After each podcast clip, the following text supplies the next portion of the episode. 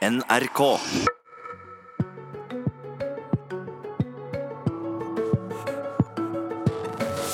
Stadig færre av oss har råd til å kjøpe egen bostad.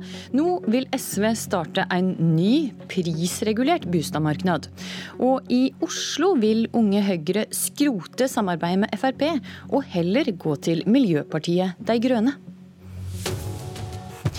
Men først. Nye tall fra SSB viser at delen av nordmenn som eier sin egen bostad, går ned. Nedgangen er størst blant de med dårligst råd, kunne vi lese i Aftenposten i går. Og nå har de i SV kommet med nye forslag. Det tar rett og slett til orde for å innføre prisregulerte bostader i Norge igjen. Audun Lysbakken, leder i SV. Hvordan skal denne nye boligmarkedet din fungere?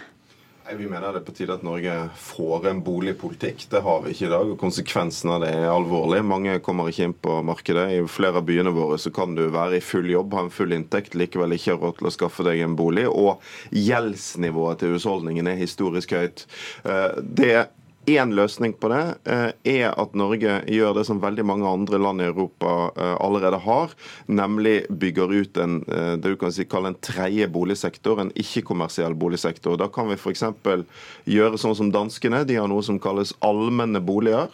Ca. en femtedel av danskene bor i allmenne boliger. Det er altså boliger som er regulert gjennom en egen lov, som bygges ut gjennom egne boligselskaper, og der man kan da leie til gunstigere betingelser i lang tid. Eh, Hvem er det som skal få lov til å bo i disse boligene? Nei, Det kan være boliger. De allmenne boligene i Danmark er et alternativ for, uh, for, folk i ulike livsfaser. Unge og eldre. Folk som uh, rett og slett stiller seg på venteliste der, uh, istedenfor å søke seg ut på det kommersielle eiermarkedet. Og Det vil jo f.eks.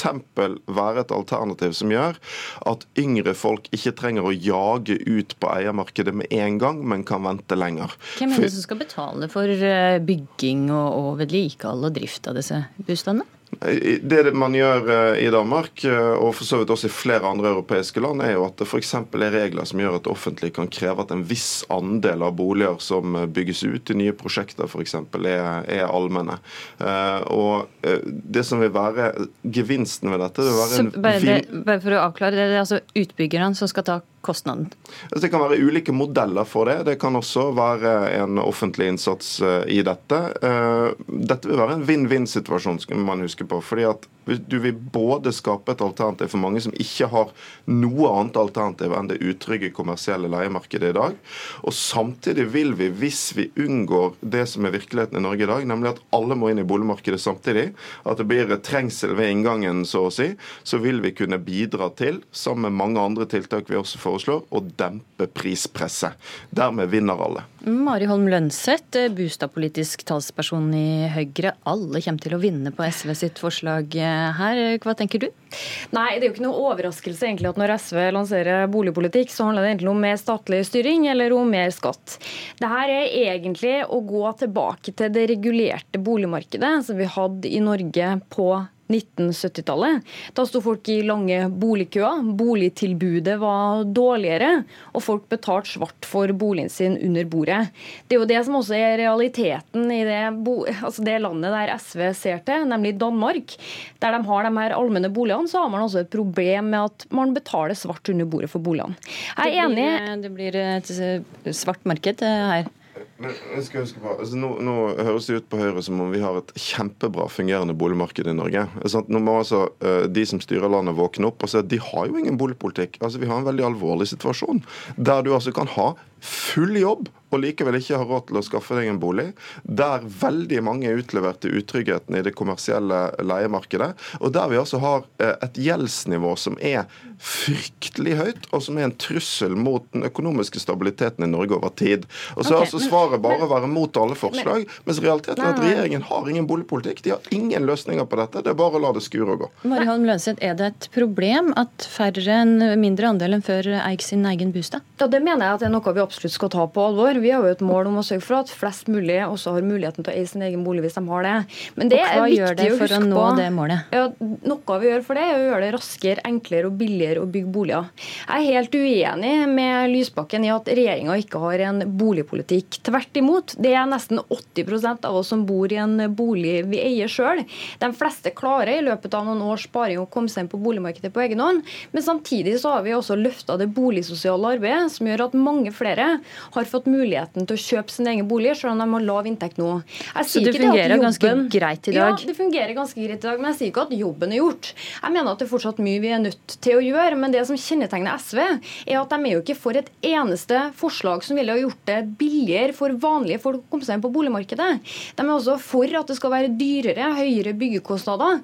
Og så sitter Lysbøken der og er veldig bekymra for gjeldsveksten, men en av løsningene til SV er jo å pøse inn mer kreditt inn i markedet for noen få grupper, som ville ha ført til at boligprisene gikk opp. Men enda verre at folk påtok seg mer gjeld enn de kan betjene.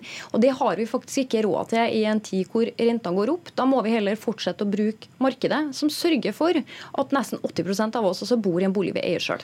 Lysbakken, hvis det 20 av oss eh, cirka, skal få billigere bostader, må ikke resten av oss da betale mer? De som eier, er jo i dag kraftig subsidiert i det norske uh, systemet. Fordi at det er så store skattemessige fordeler ved å eie. Så det er de som står utenfor som taper, som ikke får del i dette. Uh, men et viktig mål ved å bygge ut en ikke-kommersiell boligsektor er å dempe prispresset i det vanlige eiermarkedet. Men nå sier jo Lønseth at det motsatte kommer til å skje. Ja, men det er feil. Og, og, altså, vi har jo fasit. Vi vet hvordan det norske boligmarkedet fungerer. Og for veldig mange mennesker fungerer det ikke. Og for vårt samfunn så betyr det en uakseptabelt høy gjeldsgrad. Så det eh, Lønseth sitter og forsvarer her, er jo et system som alle kan se ikke fungerer. Og så lanserer vi et alternativ, og man kan gjerne diskutere det. Det er ikke sikkert at våre forslag er perfekte. Problemet til norsk høyreside er at de har ikke noe alternativ. Det bare fortsetter sånn som man har fortsatt i årevis. Og vi ser at det fører til en uakseptabelt høy prisvekst, og at mange stenges ute. Det norske boligmarkedet har blitt en forskjellsmaskin. Og så sa jeg i sted at alle ville vinne. Det er jo ikke helt sant. For det er klart at med vår politikk så vil de som bruker bolig som spekulasjonsobjekt, de vil tape. Og det er jammen bra. For i dag har vi altså et system som fungerer sånn at svære investeringer fra de rikeste i Norge styres inn i eiendom og bolig, istedenfor å skape arbeidsplasser. Hvis du skal gjøre noe med prisene i boligmarkedet, som gjør det at alle faktisk har muligheten til å kjøpe sin egen bolig hvis de ønsker det, så må man faktisk gjøre noe med tilbudssida. Det handler om å få byggekostnadene ned, få byggetakten opp og fortsette de forenklingene som man gjør. Det er altså helt feil at vi ikke har en aktiv boligpolitikk. Hadde vi ikke hatt det, så hadde vi ikke hatt så høy eierandel som vi har. Jeg sier at vi er ikke fornøyd med at det er sånn som det er i dag. Derfor så fortsetter vi det arbeidet som nettopp skal føre til at flere kommer seg inn på boligmarkedet i fremtida. Men jeg må bare si en ting til. at det en av løsningene til SV her også som kommer fram, er jo å øke beskatninga på bolig. Og Noe man har tatt til orde for, er at det skal dempe prispresset. Men spørsmålet mitt er egentlig hvor høy må boligskatten være i Bygde-Norge for at man skal ta av prisveksten i Oslo, når SV sitt eget byråd ikke klarer å regulere nok boliger der? Ja, for Det ønsker rett og slett å bruke eiendomsskatten til å regulere sekundærbolig, altså boliger som man leier ut.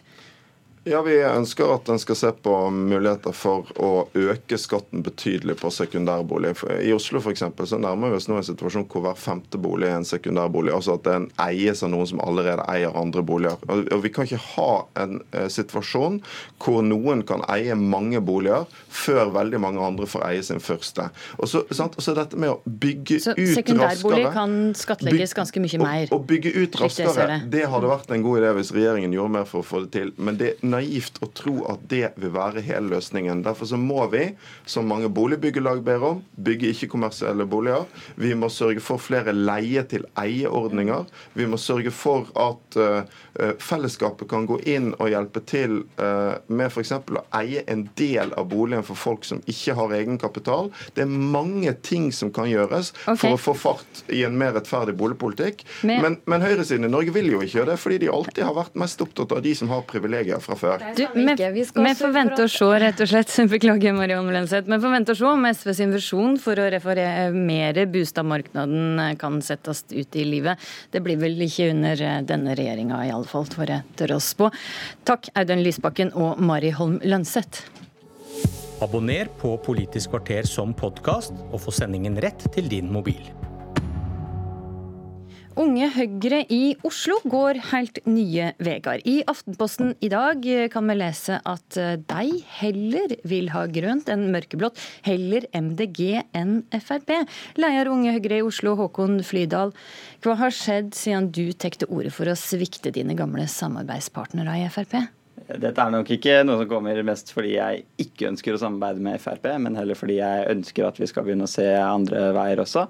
MDG sier jo selv at de er et blokkuavhengig parti. Det mener jeg vi må ta på alvor og se om vi kan få til et samarbeid også den veien. Spesielt når vi ser at uh, folkeaksjonen mot bompenger uh, blir så store som de blir i Oslo. Men du ser at uh, et samarbeid med både Frp og MDG, det vil ikke fungere. Og hva gjør at du da bikker til MDG? Ja, nei, Det er enig at kan bli vanskelig. Det er nok MDG enig i. Eh, men eh, altså, vi ser jo også at klima og miljø blir en viktigere og viktigere sak for veldig mange. For mange unge, bl.a. meg, så er det kanskje den viktigste saken i politikken. Og da mener jeg at det er naturlig å også se på andre samarbeidsmuligheter dersom vi skulle få et, eh, ikke, altså et borgerlig flertall.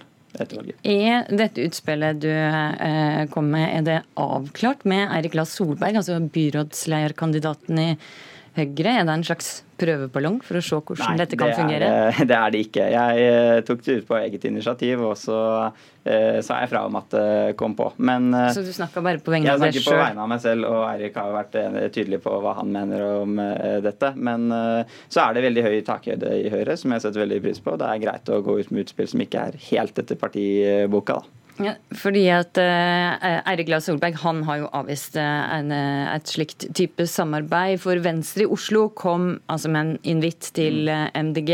Det takka både Høyre og MDG nei til. og Har du noen sjanse til å rikke moderpartiet ditt i dette spørsmålet, tror du? Nei, altså Eirik Lae Solberg sa jo at det var unaturlig.